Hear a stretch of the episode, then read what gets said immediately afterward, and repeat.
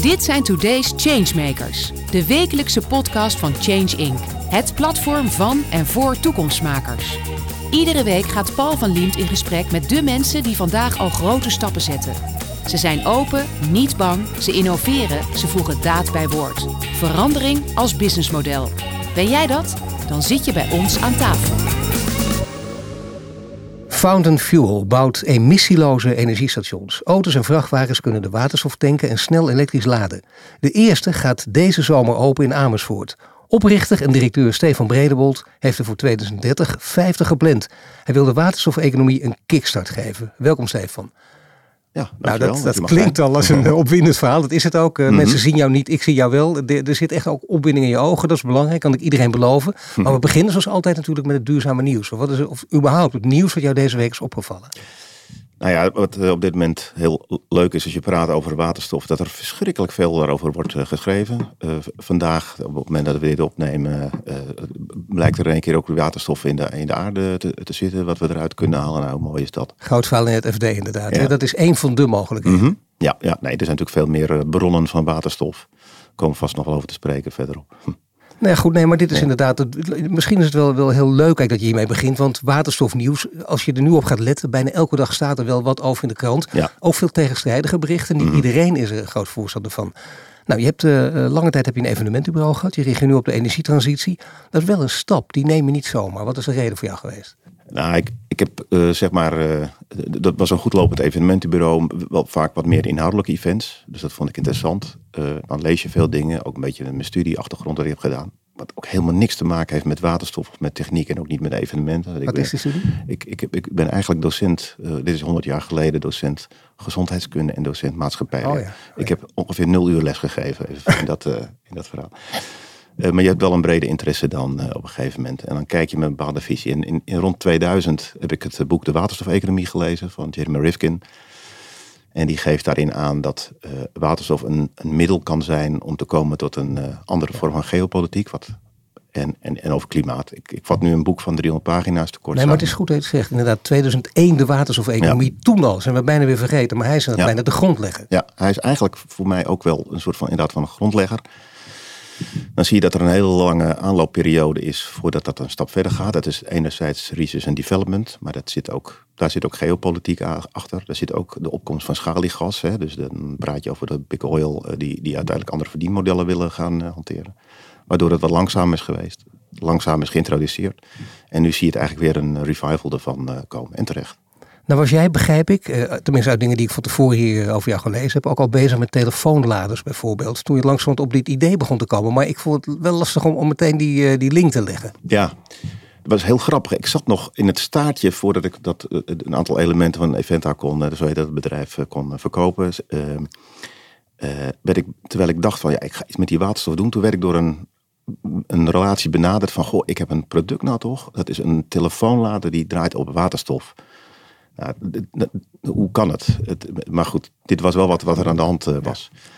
Uh, en, en toen ben ik, kon ik me daar ook technisch maar in verdiepen. En toen, toen wat ik toen, toen zag is van, goh, dit is best een wat apparaatje wat groter is dan gewoon een powerbankje dat we bij de, uh, nou ja, hè, een powerbankje wat je, wat je koopt. Ja. Maar die dingen die zijn zo sterk dat je met één lading kun je gewoon zes weken door de rimboe uh, je telefoon elke dag opladen. Dat is natuurlijk een heel ander verhaal. En eigenlijk met dat concept vertel je heel veel over wat waterstof kan betekenen. Dus voor grote hoeveelheden energie uh, uh, is dat nog een hele goede oplossing. Maar dat betekent dus, als je, als je zo begint en, en verder gaat denken en, en langzaam ook een bureau verkoopt en dus denk ik ook financieel onafhankelijk bent, of zie ik dat verkeerd? Nou, min of meer. Min of nou, meer, ja. Min of meer. Ja. Maar dit is niet, dit, je doet dit niet uit een hobby. Dit doe je juist omdat je, dan, dan, geef, dan geef je ook een bepaalde rust natuurlijk als je een bureau verkoopt. Dan kun je dingen doen, dan kun je echt in iets verdiepen. Mhm. Dan ben ik wel heel benieuwd of jij zelf nu ook denkt en ziet dat groene waterstof, dat dat de, de gamechanger is. Want daar is natuurlijk toch steeds discussie over. Ja, uh, kijk, uh, er zijn een aantal dingen. Die groene waterstof die komt eraan. En uh, op dit moment worden er in Nederland allerlei fabrieken gebouwd of bijna gebouwd. Er worden in, in het buitenland allerlei posities nu ingenomen om groene waterstof te gaan produceren. Wat wij als Fountain Fuel uiteindelijk hebben gezegd is wij gaan, we nemen een, een eerste positie nu in dat we stations neerzetten op verschillende plekken in Nederland en straks ook in het buitenland waar we die stations kunnen gaan neerzetten. Uh, nu die stations neerzetten, over twee, drie, vier, vijf jaar gaan de eerste echte grote groene waterstoffabrieken open. Maar dan staan die stations al. Dus dat is eigenlijk die kickstart die wij willen geven aan die mobiliteit. Ja, die kickstart die geef je door bijvoorbeeld 50 stations te openen. Wat ik in het begin al zei, 50 stations zonder klanditie. Want daar komt het eigenlijk op neer. En dan zie je dat soort kop in de krant ook staan. Daar denk je natuurlijk ook over na. Je weet van communicatie. Mhm. En eh, ja, hoe moet je daar tegen te weerstellen? Nou, ik, denk een paar dingen wat je me hier eh, vraagt. Kijk, het, de, het hele, de basis van dit verhaal, de, wat eronder ligt, is die kip-ei-discussie. Ja. ja, wij zetten stations neer uh, uh, en die zijn niet in, op dag één rendabel, uh, op economisch, economisch rendement gesproken. maar je moet het ergens neer gaan zetten. Wat wij zien op het moment dat we ergens een station neerzetten, dat dan zowel de OEM's die de, de voertuigen gaan produceren, maar dat er ook rondom zijn station klandizie gaat komen. Nogmaals, niet op dag één rendabel, maar wel op termijn. heel mooi voorbeeld. Dus Amersfoort, dat is nu ongeveer een jaar bekend dat, dat we dat gaan openen. En dat dat dus nu deze zomer, in juni gaan we dan voor publiek open. Voor, in mei is er een, een event waar we de kick-off gaan doen. Maar in juni gaan we voor publiek open. En dan zie je in één keer die vraag komen. En dan komen de partijen als BMW. En dan praat ik echt internationaal. We praten over Stellantis. Dat soort partijen komen nu naar dat, daar naartoe van wij willen die voertuigen nu gaan wegzetten. Komt ook de staatssecretaris. Hè? Dat, interessant. De politiek mm -hmm. distancieert zich er niet van. Dat, dat zou ook al iets kunnen ja. zijn. Ze nou, doen eraan mee. Ja, precies. Nou, je ziet natuurlijk stromingen daarin. En dat is misschien ook over die koppen waar je het net over had. Je ziet stroming in van, goh, moeten we nou uh, moeten we wel inzetten op mobiliteit? Met waterstof op mobiliteit inzetten? Of moet het allemaal batterij elektrisch gaan gebeuren? Nou, wij geloven in die combinatie. Ook voor personenauto's? Ook, ook voor personenauto's. Als je gaat praten met een, uh, nou, een aantal dingen. Maar als je gaat praten met een taxichauffeur of met taxibedrijven. En als ik zie wat de opgave in Amsterdam is, waar we hier nu de, deze podcast op uh, uh, nemen. Ja. Die, dat laadvermogen gaat hier de komende jaren gewoon niet zijn. Dus dan zul je een combinatie moeten maken van waterstof, taxis en batterij-elektrische taxis. Het zijn allebei het elektrische technieken. Het is niet het een of het ander. Ik, ik kom heel vaak op plekken dat ik spreek en dan, dan is het bijna een religieuze strijd tussen. Ja, ja. Uh, de, de, de batterijgekkies en de waterstofbelievers. Nou, onzin. Het gaat erom, je hebt een, een, voor het ene toepassing heb je de ene nodig, voor de andere toepassing heb je het andere nodig. Uh, en dan wordt het vaak platgeslagen. Nou, voor, voor uh, zwaar transport, dat wordt allemaal waterstof. En voor personenwagens wordt batterij elektrisch. En busjes, dat denken ze dat het ook batterij elektrisch ja, wordt. Toch heb ik heel lang met die personenauto's dat ook gedacht. En eigenlijk nog steeds. Dat moet jij me maar overtuigen. Omdat natuurlijk de verhalen uit China komen. China is heel groot, met name de elektrische auto's. En die zetten ja. daar volledig op in. Die gaan hier de markt ook beheersen. Kijk, ze komen met de NIO's, de Xpeng. Mm -hmm. Al dat soort waren is goedkoper dan mm -hmm. de Tesla. Dus ja, dat, dat is dan het gevaar, tussen aanhalingstekens niet alleen, wat ja. dreigt. Ja, nou, de, de, de twee elementen, er zijn een, drie elementen waarom ik denk dat, dat, uh, dat er ook voor personenwagens uh, markt, uh, markt is, zeg maar, vraag is. Dat is het gemak. Ik rij al een tijdje in een waterstofauto. Ik ben geen autoverkoper voor je me, me daarvan beticht. Maar nee, dat is juist heel goed. Dat ja. je, nee, dat wou ik juist zo ja. aan je vragen. Ja, ja, natuurlijk. Want die zal zelf een dieseltje rijden. Nee, maar ja, nee, ja, precies. Een dieseltje nee. uit het 1992. Nee, nee, maar wat voor auto is het dan? Het, mag een, je wel een, een Toyota Mirai Oh, rond. Nou, ik denk drie, vier, vijf minuten. Uh, uh, dan heb ik uh, 5 kilo waterstof aan, aan boord. Kun je 500 en dan rijd ik 500 kilometer. En dat maar wel een grote tank natuurlijk. Ja, het is... Nou ja, dat is wat mensen ook vaak weerhoudt. Uh, ja, ik heb er geen, uh, moet zeggen, ik heb er geen last van. Ik heb een beetje een gevoel van dat is ongeveer het volume van een uh, LPG-tank, zeg maar, zoals je die vroeger, ja. vroeger had. Dus dat moet je. Maar goed, dat is dus. En ook als het koud is of wat dan ook, dan, dan bewaar je je range. Zeg ik daarmee dat iedereen dus in een waterstofauto moet rijden? Nee. Sterker nog, op dit moment zit het in de wat hogere segment voertuig. Maar dat is met ook batterij elektrisch is dat natuurlijk zo uh, geweest. Kijk maar wat de kostprijs was van de eerste Tesla's, uh, zeg maar. Maar daar zit die introductie in. Maar dan, dus één is het gebruiksgemak. Uh, twee is een gebruikspatroon. Dan praat ik dus over die taxichauffeurs. Die willen gewoon niet een 20 minuten aan een laadpaal hangen. Nee. Want die willen gewoon mensen gaan vervoeren. Tuurlijk. dus, dus dat is er denk ik één.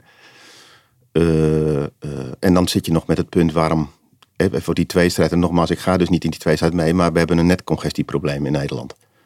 Dus heel leuk dat iedereen straks batterijlektrisch gaat rijden, maar het is een illusie dat dat gaat lukken. Op de korte termijn en ook op de middellange termijn. Nou, je hebt ook hoge priesters van de netcongestie die zeggen wij hebben de oplossing. wij kunnen dat gewoon zonder waterstof ook oplossen. Maar mm -hmm. je denkt dat, dat dat is uitgesloten. Ik, ik zag um, uh, uh, van de week zag ik een video voorbij komen van een netbeheerder.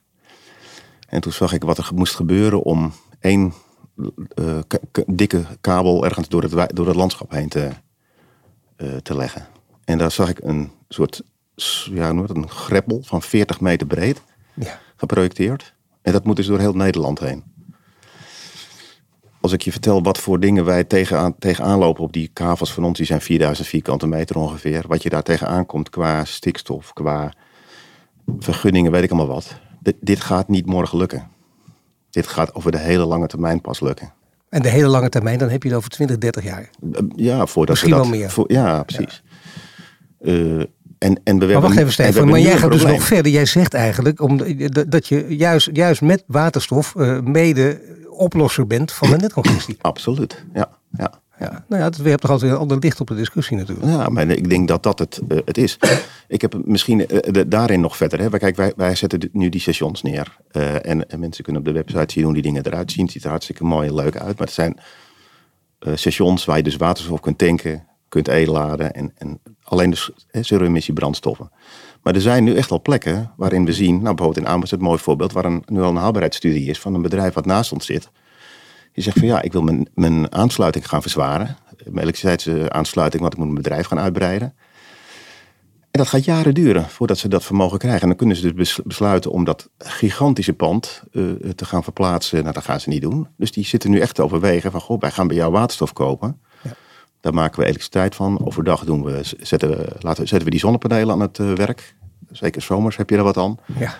Maar het zijn nog geen maanpanelen, om het maar even zo te zeggen. Dus je moet s'nachts of s'avonds moet je ook wat. Dus dan zie je dus eigenlijk een heel ander uh, systeem ontstaan. Dus dat is denk ik één kant van het verhaal. Als je praat over het hele verhaal van hoe, hoe zie je dat nou in het hele energiesysteem.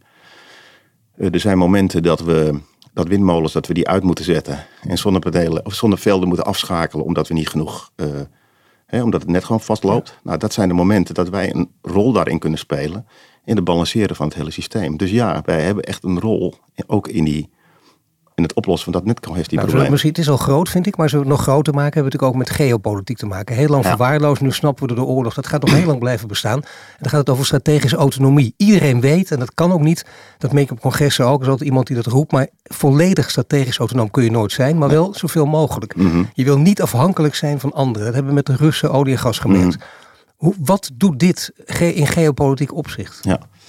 Nou, ik, ik vind het even leuk om een stapje nog even naar die twintig jaar geleden te maken. Nog even Jeremy Rifkin uh, daarin. Ja. Um, hij kwam met zijn economie, in de, met zijn uh, de theorie over dat, uh, over dat boek en over de waterstofeconomie. En zei, een van zijn grootste voorstanders daarin was George Bush. die niet alleen president was, maar ook natuurlijk in de olieindustrie zat. Ja. Die wilde onafhankelijk zijn van het Midden-Oosten. Omdat het rommelde zo allemaal. Dat, dat, dat er heel veel geld is geïnvesteerd in de R&D in de waterstofeconomie toen. Daar zijn we best heel dankbaar voor, want ze hebben een heleboel dingen uitgepuzzeld waar wij nu van profiteren. Zijn we inderdaad vergeten, hè? Uh, Bush hadden we niet verwacht. Ja, die, was, uh, in Europa had je toen Barroso, die ook dat boek had gelezen en die ook dacht van dit is een heel mooi verhaal. En je ziet nu het effect ervan dat er op dit moment heel veel geld geborgd zit in Europa, want Europa is echt een aanjager van de waterstofeconomie. Kleine oproep. Ik denk dat ze harder gaan op dit moment Den Haag. Dus Den Haag schiet op alsjeblieft. Ja. Uh, uh, maar, maar, dat zie je daar gebeuren. Dat is een uitvloeisel wat er twintig jaar geleden is gebeurd. Nou, dat is toen weggedemsterd, wat ik net al aangaf vanwege dat olie, uh, dat schaliegas en dat soort dingen. Ja, maar ook we waanden ons onkwetsbaar. We dachten ook, het is niet zo belangrijk. er komt toch geen oorlog in onze gebieden meer. We leggen nog een paar uh, pijpleidingen onder uh, ja. Nord Streams uh, neer. Ik geloof dat er nu een gaatje in zit. Wandel door handel. Alles komt goed. Ja, ja. Nou, dus, dus dat. En dan concreet jouw vraag. Wat, wat, wat, hè, wat gaat het nou verder van hoe willen we die onafhankelijkheid doen? Ik, ik, wij gaan ervan uit, even weer vanuit de de viel. Wij zetten die stations neer. Nu snel op verschillende plekken. Zodat het ook aantrekkelijk wordt voor bedrijven en voor particulieren om op waterstof of snel laden. Nogmaals, die beide echt allebei naast elkaar, alsjeblieft. Uh, maar er komen verschillende bronnen aan. En die bron is de ene keer uh, een windmolen uh, naast een station als die zal komen, of een zonnepark, of de, of de waterstof komt van een van de velden op de Noordzee, weet ik veel. Ja. Maar de, er gaat straks ook gewoon waterstof uit het buitenland komen. Er gaat gewoon een importroute zijn. En dan kunnen we erover discussiëren, willen we dat in Saudi-Arabië of Oman hebben staan? Of hebben we dat liever in Griekenland of Spanje? Of willen we meer wind gaan neerzetten in Groenland? Nou, persoonlijke overweging heb ik het liever niet dat we het naar Saudi-Arabië brengen, maar, maar zullen het andere routes eh, zijn die waar waar je je beter bij voelt, om het maar zo te zeggen. Maar je moet uitgaan van die verschillende bronnen. Nou, die komen eraan.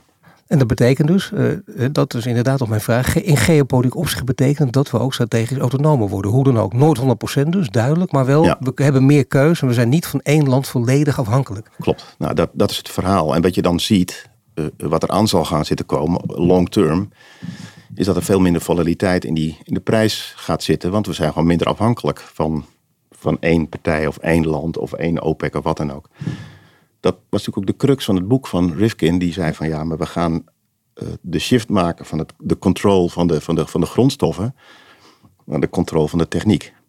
Ja. Nou, als je op die manier naar kijkt, hoe gaaf is dat? Want dan, dan hebben we hier in, Waterst in Nederland een, uh, het arbeidspotentieel met heel veel kennis. En die kennis kunnen we nu heel goed gaan gebruiken. En, en ja, dat is perfect land om dat nu uh, te, gaan, te gaan op dit vast te houden, dat, dat vermogen, en dat te gaan uit te gebouwen. Nou ja, als je toch over arbeidspotentieel begint, dat is natuurlijk een kink in de kader van de energietransitie. Dat is een voortdurende discussie, daar zullen we nog een tijd aan vastzitten. Ook die arbeidskrapte, zeggen de meeste arbeidsmarktdeskundigen, valt me nu ook op.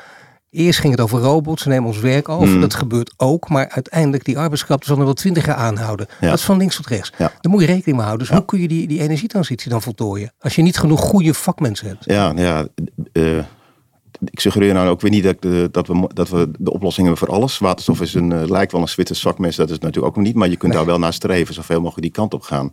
En je kunt, kunt, kunt, kunt natuurlijk de keuze maken van waar zet je nu op in qua onderwijs. Kijk, het heet ook een transitie. Hè? En dat is niet dat het morgen geregeld is. Maar we moeten qua opleidingen dingen, daar moeten we op drukken. We, wij kijken er ook naar. we proberen mensen aan boord te halen die van, van de, van de uh, meedenken in projecten van uh, hoe gaat straks die automonteur sleutelen aan een waterstofauto of aan een batterij-elektrische batterij auto. Wat een heel anders kunstje is dan aan een dieselauto sleutelen. Ja, dat, dat, dat, dat zijn dus niet zomaar dezelfde monteurs die één op één nee, kunnen overschakelen. Nee, nee. verdienmodellen van autodealers gaan helemaal veranderen. in een batterij-elektrische auto en ook in een waterstof-elektrische auto zitten veel minder draaiende delen. Er zitten, zitten veel minder onderhoudsmiddelen in om die auto te onderhouden. Dus dat gaan meer elektrotechnici bijna worden. Uh, ik chargeer even. En meer computer uh, jongens en meisjes dan dat we, dat we straks uh, met handen in de olie en in de, in de smeer nog zitten. maar ja, goed, dat is dus toch in ieder geval, die mensen heb je nodig. Ook zo mm. trouwens, om al die stations van jou te bouwen, waar je een groot risico mee neemt. Maar dat, dat heb je nodig, ondernemersrisico, anders gebeurt er niks. Ja. Maar dat betekent dus wel dat er genoeg mensen zijn blijven om die wel te bouwen. Ja, nou ja, dat klopt. Uh, hoe wij dat hebben georganiseerd, we zijn uh, niet zomaar over één nachtreis gegaan. Er zit een aanloopperiode in van eigenlijk dat we dachten van ja oké, nu gaan klats, nu gaan we doen. Dat is bijna zeven jaar geweest. Van hoe zet je een apparaat neer dat je zo'n station gaat bouwen. En dat is de, de techniek die erin zit. Uh, maar dat is ook de afstemming met je civielwerk. Dus even zeg maar die, uh, ja, het plaatje. We, dit, dit is een podcast, maar die, die bijzondere kap met die houten fountain, zoals wij hem dan uh, noemen. De juiste nadenken over wat voor soort bestrating ligt, ligt daarin. Als het regent kunnen we bij ons lekker de, het water laten wegzakken in de grond. En weet je, uh, dat het hele concept eigenlijk klopt. Kun je tijdens het luisteren even gewoon naar Google en opzoeken? Ja, oké. Ja. Goeie tip. ja, dat is mooi. Maakt het meteen beeldend, dat is wel heel prettig. Ja. Maar goed, dat, dat gaat dus allemaal lukken uiteindelijk. Je zegt het is een kwestie van drukken en je kan inderdaad niet alles oplossen, dat klopt. Maar dit is wel een heel belangrijk onderdeel. Die uitvoering wordt vaak onderschat. Nou, mag ik, zal ik ja, het, het is wel heel, heel, leuk om dat erover te vertellen eigenlijk. Wij hebben, we hadden uh, uh, vorig jaar oktober, eind oktober hadden we de de aftrap, de eerste paal. Uh, eh, 10 mei is het verhaal, dan zijn we klaar. Dus dan praat je over de doorlooptijd. Dus als je er goed over nadenkt, hoe ga je dat bouwen en hoe zet je die partijen achter elkaar? Nou, dan zit je aan ruim, in, nou, ruim een half jaar. Is het van een, een blubberput met wat gras en, uh, en onkruid, staat er een prachtig station. Ja, dat is heel snel. Dat is echt heel snel, zeker. Maar daar moet je over nadenken in voor. En dan komt er een klein stukje van de ervaring uit het verleden in de evenementenbranche. Als we in een grote eventhal stonden. Ik ben niet de bouwbegeleider hoor, maar als we in een grote eventhal stonden. Dan stond er op uh, uh, woensdag stond er nog niks. En donderdagavond moest de show staan. En als dat niet helemaal achter elkaar klopt, dan lopen er heel veel mensen niks te doen. Dus dat moet goed afgestemd zijn. Nou, daar moet je heel goed over nadenken hoe je dat neerzet. Nou, dat hebben we gedaan met ons team.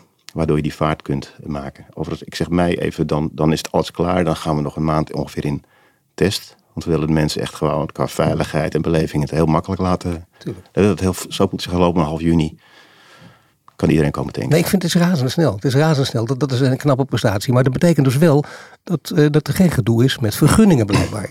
Uh, ja, dat, dat zit eraan vooraf. Dat ken je ook uit je evenementensector tijd. Uh, ja, uh, ooit de zucht? ja, nee, ja, ik verwacht hem al. Nee, kijk, het, als ik zeg op het moment dat we gaan bouwen in uh, oktober, dan is er natuurlijk al een vergunning binnen en is dat stuk geregeld. Nou, de, uh, als ik ooit, ooit een keer met pensioen ga, ga ik nog een keer boek over schrijven over vergunningen. Dat zijn natuurlijk hele, soms hele moeizame processen en soms ook niet helemaal rationeel. Nou, je bent uh, echt serieus. In, in, in, ongeveer een half jaar tijd, denk ik de zesde of de zevende, die dat in een live interview tegen mij zegt. Mm -hmm. Dus ik zou zeggen, dat boek moet er komen, ja. Ja, oké. Okay, nou, dat, is, dat is gewoon echt zo'n pain in the ass, blijkbaar. Ja, ja. Nou, en dat is dan eigenlijk het gelijk. Uh, aan de andere kant, van, ja, daar kunnen we heel erg over. Het is, het is inderdaad een pain in the ass, maar, maar weet het, anticipeer erop. Precies. En neem ook alle mensen, dat, dat hebben we ook wel geleerd, maar neem de mensen die je moet meenemen in dat proces. Dat is de, de tip van de dag. Neem die al heel vroeg in dat stadium mee. Gewoon niet een of ander uh, pakket over de, over de schutting en van zo gaan we doen. Maar neem al die mensen eigenlijk ja. uh, mee. En dan zie je eigenlijk dat negen van de tien problemen die worden opgeworpen, dat die eigenlijk helemaal geen probleem zijn. Ja. Alleen dat moet je even, je moet mensen vroeg genoeg daarin meenemen. Nee, dat is ook bijna helemaal heel goed. Dat is een belangrijke tip. Ja. ja. Dan natuurlijk het punt dat ook altijd speelt als je het hebt over waterstof. Ja, natuurlijk, het is een energiedrager. Dat heeft Rifkin mm. ook zelf al duidelijk keurig mm. omschreven natuurlijk. Mm. En je hebt dus ook fossiele energie daarvoor nodig. Dus ja, uiteindelijk, hoe efficiënt is het eigenlijk? Wat heb je eraan? Nou, wij gaan niet voor, uh, je zegt, ja, daar hebben we fossiele energie voor nodig. Nou, liever niet eigenlijk dus, want dat is niet de bedoeling. Um, twee, eigenlijk twee aspecten erin. Wij gaan voor groene waterstof. Die op dit moment niet voor. Als het nu een enorme. heel veel vragen komen, is die nu nog niet beschikbaar. Maar dat is in de komende jaren komen die fabrieken. Dat. Maar het moet groen zijn en duurzaam. En dus uit zon of wind uh, komen.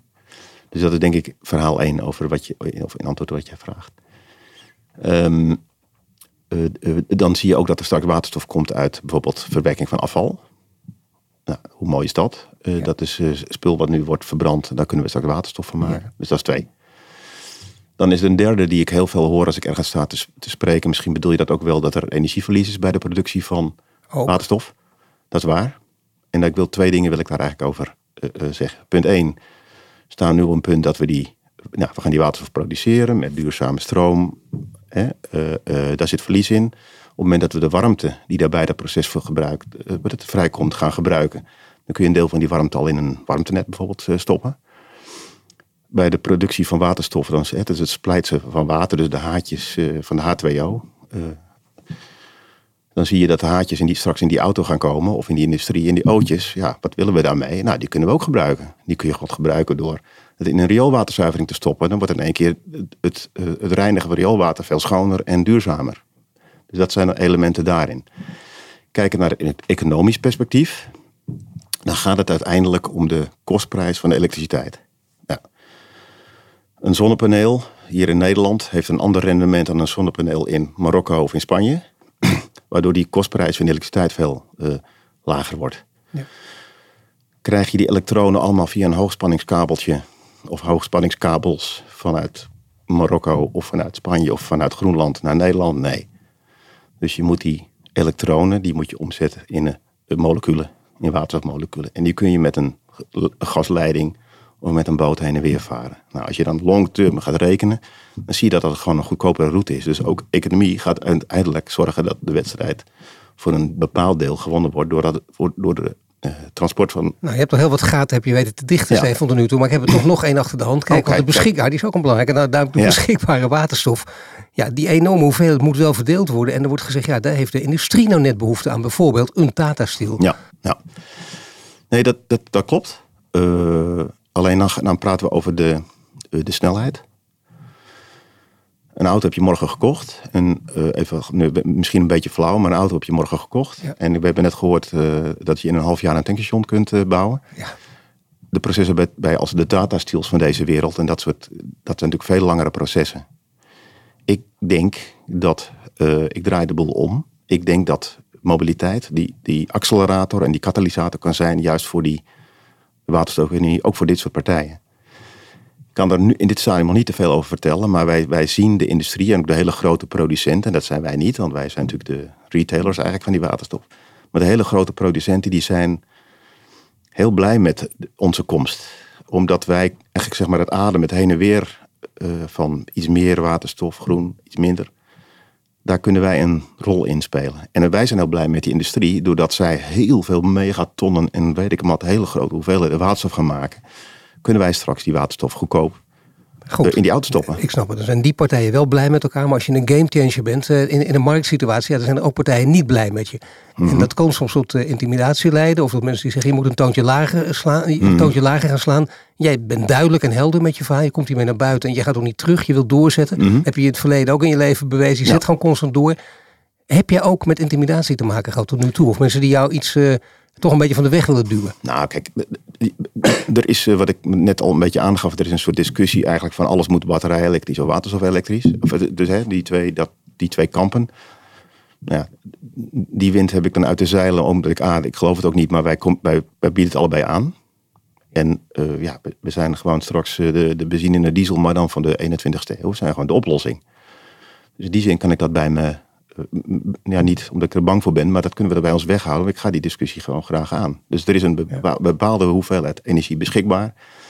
En het is aan ons, bij onze stations, de, de rol om te zeggen van nou, we gaan linksaf, stoppen we het in een snellader, of rechtsaf, stoppen we het in die waterstofinstallatie. En wat is op dat moment de meest efficiënte oplossing voor klimaat, voor geopolitiek en voor de portemonnee. Game changer is dus ook samenwerking. Dat zegt ook iedereen, maar hier maak je het wel inderdaad heel concreet. Dat moet ook lukken. Merk je dat partijen ook bereid zijn? Want natuurlijk wil je, je kijkt ook naar het kostenplaatje. Wat ga je ermee mhm. verdienen? Logisch allemaal, we leven in zo'n wereld leven en blijven ook gewoon leven. Mhm. Dat betekent dus ook dat je tot elkaar moet zien te komen. Zijn er meer partijen die dit willen, die denken dat dit de oplossing is waar je allemaal dus baat bij hebt? Ja, Eén vraag en ik moet me dan weer. Uh, ik heb, wilde wel acht antwoorden op uh, geven. Kies er maar één.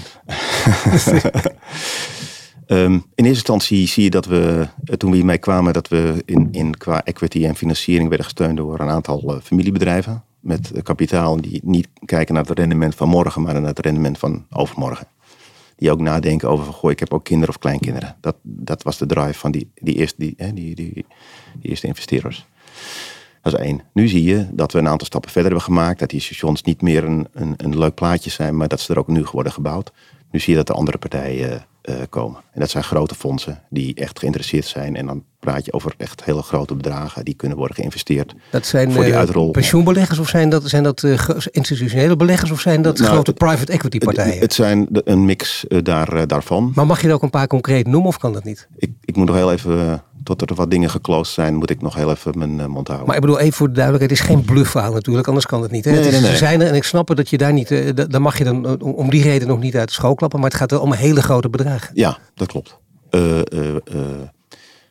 exact dat wat je zegt. Het gaat maar wat zijn grote, grote bedragen, dan? Ah, wat, wat, ik, wat ik minder moeite mee heb om te, om te zeggen is dat als je, zoals wij zo'n station bouwen, en dan praat ik niet eens over de grond en dit en dat, je bent zomaar 4 miljoen euro per station kwijt techniek en een beetje civiel. En dan is dat uh, eh, 4 miljoen. Is, uh, dan zijn er ook mensen die zeggen, want het kan voor minder. Maar dan zeggen wij van, dan zet je een station neer. Dat is dan het economische rendement waar je nooit je geld mee terug gaat verdienen. Want wij willen straks ook geschikt zijn voor snel laden voor vrachtwagens. Want dat gaat er ook echt komen. Ook naast waterstof voor vrachtwagens. Wij willen ook nadenken over sleeplijnen. Dat er uh, meerdere vrachtwagens kunnen rijden. Dat ze niet tegen elkaar aanbotsen. We willen volume kunnen draaien. Hè? Dus in de basis dat je gewoon ja, volume kunt maken, dat het ook uiteindelijk een verdienmodel aan, aan zit. Dus ja, dat zijn wel flinke investeringen. Als je dan het sommetje maakt van dat er straks uh, uh, in eind, eind 2025 al op 11 plekken staan en daarna de ambitie naar 50 plekken, dan weet je om wat voor bedrag het gaat. Nou ja, dit is in ieder geval een heel groot verhaal. Waar heel veel geld mee gemoeid is. Waar ook mhm. heel veel samenwerking mee zal komen. Echt een gamechanger op alle gebieden. Daar kijken we natuurlijk allemaal naar uit. Hoe lang gaat dit duren voordat jij deze heilige graal gewoon. Dat wij die uh, aan onze ogen uh, ontvouwd zien worden. En dat we denken, ja, dit is gewoon normaal. Dit is een nieuwe wereld. Ja, nou ja, de, zeg maar het, het, uh, de eerste is eigenlijk al heel vlot. Dus kom gezellig, uh, de bijna reclamepraatjes, sorry, maar kom in, uh, in, in juni kijken in, en kom denken in, in Amersfoort. Dan zie je echt een soort, nou best wel een futuristische station. En ik, nou ja, kom kijken en dan denk je, alles wat je dacht van wat was nou een tankstation, dat is het dus niet. Dus dat is, dat is wel heel leuk. Het is een hele ander gek grappige omgeving. Dus dat is denk ik één. Dan, dan twee, wij hebben ook met wat steun van de EU, want die wil graag dat we vaart maken, hebben wij onze, ja, ons credo 311 50. Dus nu drie stations, Amersfoort, Rotterdam, Nijmegen. Amersfoort wordt de eerste. Bouw van Rotterdam en Nijmegen blijft vlot achteraan.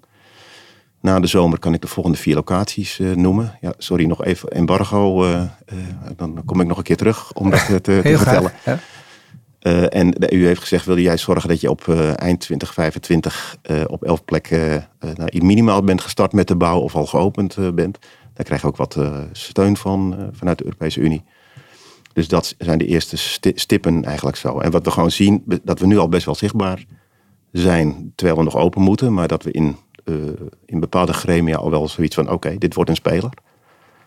Goed, en nou, dat wordt alleen maar groter. Dit is, dit, is een, dit is een heel mooi verhaal, een hoopvol verhaal natuurlijk. Mhm. Ook iets om naar vooruit te kijken. Ook iets door het grote verhaal om heel kritisch te blijven volgen. Maar ik ben heel mhm. benieuwd hoe dit gaat worden. En zeker, je zei dat ik kom graag een keer terug. Nou, ik ben benieuwd zeker als ik dat eh, station gezien heb. Dankjewel Stefan. okay. Je luistert naar een podcast van Change Inc. Mede mogelijk gemaakt door Ebbingen, Renewy en Vattenfall. Tot slot nodigen we je graag uit om op 29 juni live aanwezig te zijn bij de Today's Changemakers podcastopname in Amsterdam.